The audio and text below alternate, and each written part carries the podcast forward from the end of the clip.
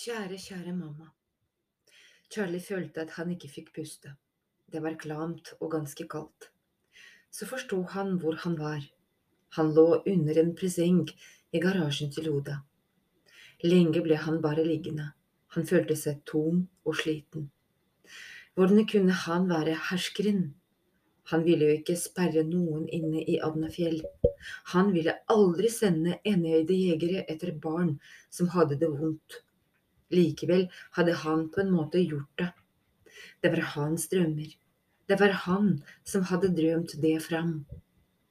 Men hva var egentlig drøm, og hva var virkelighet?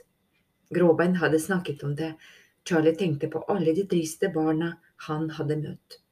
Han skjønte nå at han selv var ett av dem. Det var som om han hadde drømt fram en mørk verden hvor han kunne stenge seg inne i det triste og hvor han kunne være sammen med andre som hadde det like vondt. Tankene hans ble avbrutt av at noen tok i dørhåndtaket.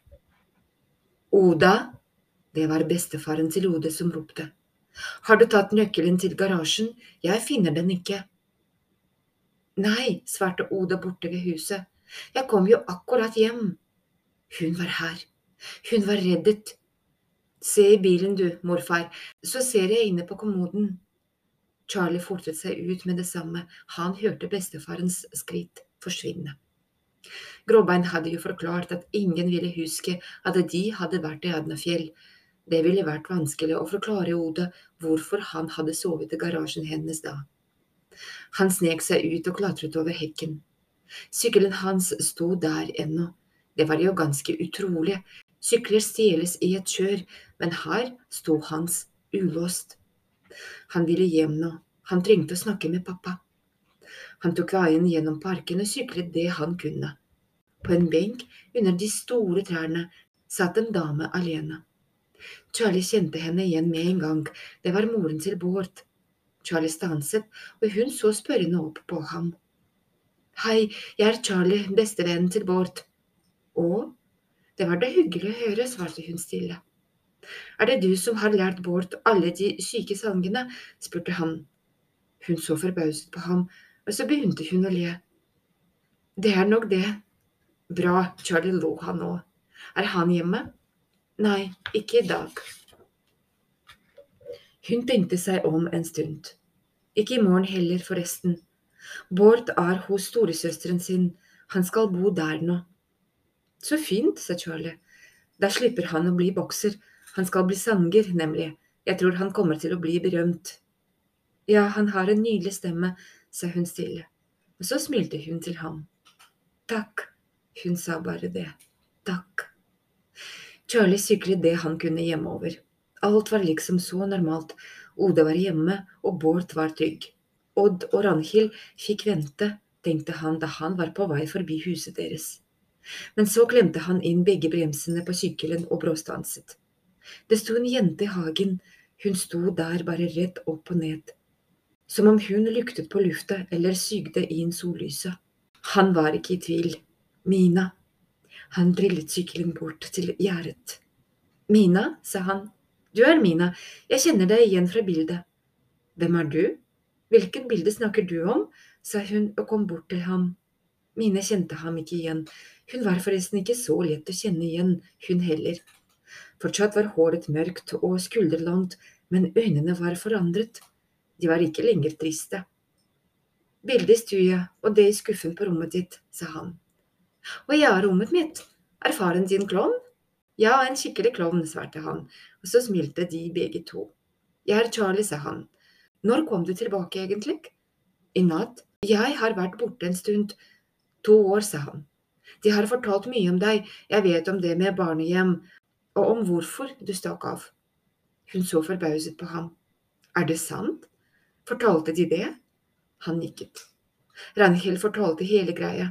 Hun har fortalt mye om deg òg i dag, sa Mina. Hun sa at moren din døde. De hørte at den lille sidedøra til garasjen gikk opp. Det var Odd. Han virket også forandret, han så yngre og lettere ut. Han hadde med seg to river. Da han fikk se at de to sto der sammen, kom han nærmest løpende mot dem. Du fant henne, Charlie, det var på tide. Han ga den ene rive til Mina, og så gikk han midt ut på plenen og begynte å rake. Det var ikke et eneste løvblad å se, men det brydde ikke Odd seg om. Mine skulle til å følge etter ham, men Charlie ville ikke at hun skulle gå. Hvor har du egentlig vært? Alle har lett etter deg, til og med politiet. Mine trakk på skuldrene. Jeg må visst til en slags avhør siden i dag. Mamma blir med meg. Hun smilte til ham. Jeg tenkte ikke at det skulle bli så mye styr. Jeg tok bare en buss til Sverige. En av dem jeg var på barnehjemmet, har leilighet der. I starten var det deilig at ingen maste, men jeg vet ikke, jeg… I går bare bestemte jeg meg for å dra hjem, og så dro jeg. Mamma og pappa ble glade, jeg òg, jeg har savnet dem. Hun snudde og gikk bort til Odd. Hun snudde og gikk bort til Odd og begynte å rake, hun òg. Kan ikke snakke med deg mer nå, pappa og jeg har en plen som trenger å bli gredd, ropte hun.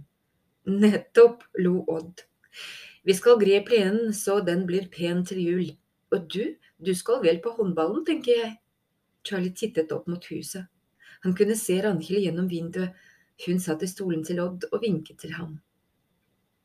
I oppkjørselen hjemme sto det en fremmed bil. Han satte sykkelen på plassen sin ved veggen gikk inn og vippet de gule skoene av seg i gangen. Charlie syntes ikke lenger de lignet klovnesko. Pappa satt ved spisebordet sammen med en mann i rullestol. Charlie skjønte med en gang hvem det var. Det var jævla Klaus. Charlie kjente det gamle sinnet dypt nede i magen. Der er du jo, Charlie, sa pappa. Kom hit og sett deg, er du snill. Charlie satte seg motvillig. Jeg beklager, Klaus, men du blir nødt til å fortelle alt en gang til, sa pappa. Og Klaus fortalte. Jeg har aldri jobbet med en bedre arkitekt enn moren din, Charlie, og jeg har aldri hatt en bedre venn. Charlie hadde hatet denne mannen så lenge at han ikke klarte å slippe det. Han knyttet nevene under bordet. Kulturhuset Soira var vårt bygg, men egentlig mest hennes idé. Soira? spurte Charlie. Jeg visste ikke at det het det. Han hadde lyst til å knuse noe. Jo, Soira. Hun ville lage et kulturhus som var som et eventyr, sa hun. Vi kjørte mye bil sammen mens vi holdt på, fortalte Klaus. Vi snakket om alt. Hun fortalte så mye om dere at jeg føler jeg kjenner dere, og jeg fortalte alt om mannen min og familien vår. Mann? Hvilken mann? Charlie forsto ikke hva han mente. Jeg er gift med en mann, skjønner du, sa Klaus og så ham inn i øynene. Hæ, gift med en mann? Men hvordan kunne han være forelsket i mamma hvis… Hun fortalte ofte om de somrene dere leide hytte på Brikke, sa Klaus. Og en gang sa jeg at jeg var lei alt pratet om den hytta, og at hun kanskje burde prøve å få kjøpt den. Hun lo og svarte ja, hvorfor ikke? Ja, og så ringte hun til ham dere pleide å leie av, og han sa at han faktisk hadde tenkt på det. Kan du ikke komme ned, så snakker vi om det, hadde han spurt. Da snudde hun bilen og sa blir du med? Charlie kjente at tårene presset på, hun hadde vært på vei for å kjøpe hytta. Ja, så da kjørte vi rett til Sørlandet, enda det var fire timer å kjøre. Hun hadde lyst til å overraske dere. Vi var bare en halv time unna da det skjedde. Hun kjørte av veien og traff et tre. Kanskje var det glatt i svingen, jeg vet ikke. Det regnet litt, jeg husker ingenting av selve ulykken, jeg husker bare at jeg våknet på sykehuset. Klaus ble stille en stund. Det var tydelig at det var vanskelig for ham å fortelle. Jeg har hatt dårlig samvittighet siden da. Jeg føler at det er min skyld. Det var jeg som sa hun skulle ringe. Charlie tenkte på Gråbein. De dødes dag er ikke dagen for død, det er dagen for å huske. Den natta ville Charlie drømme om mamma, det var han sikker på. Det skulle ikke være ulver eller enøyde hunder i den drømmen, bare mamma, pappa og Charlie. Kjære, kjære mamma, hun hadde ikke stukket av, hun hadde ikke valgt noen andre, hun var død, sånn var det.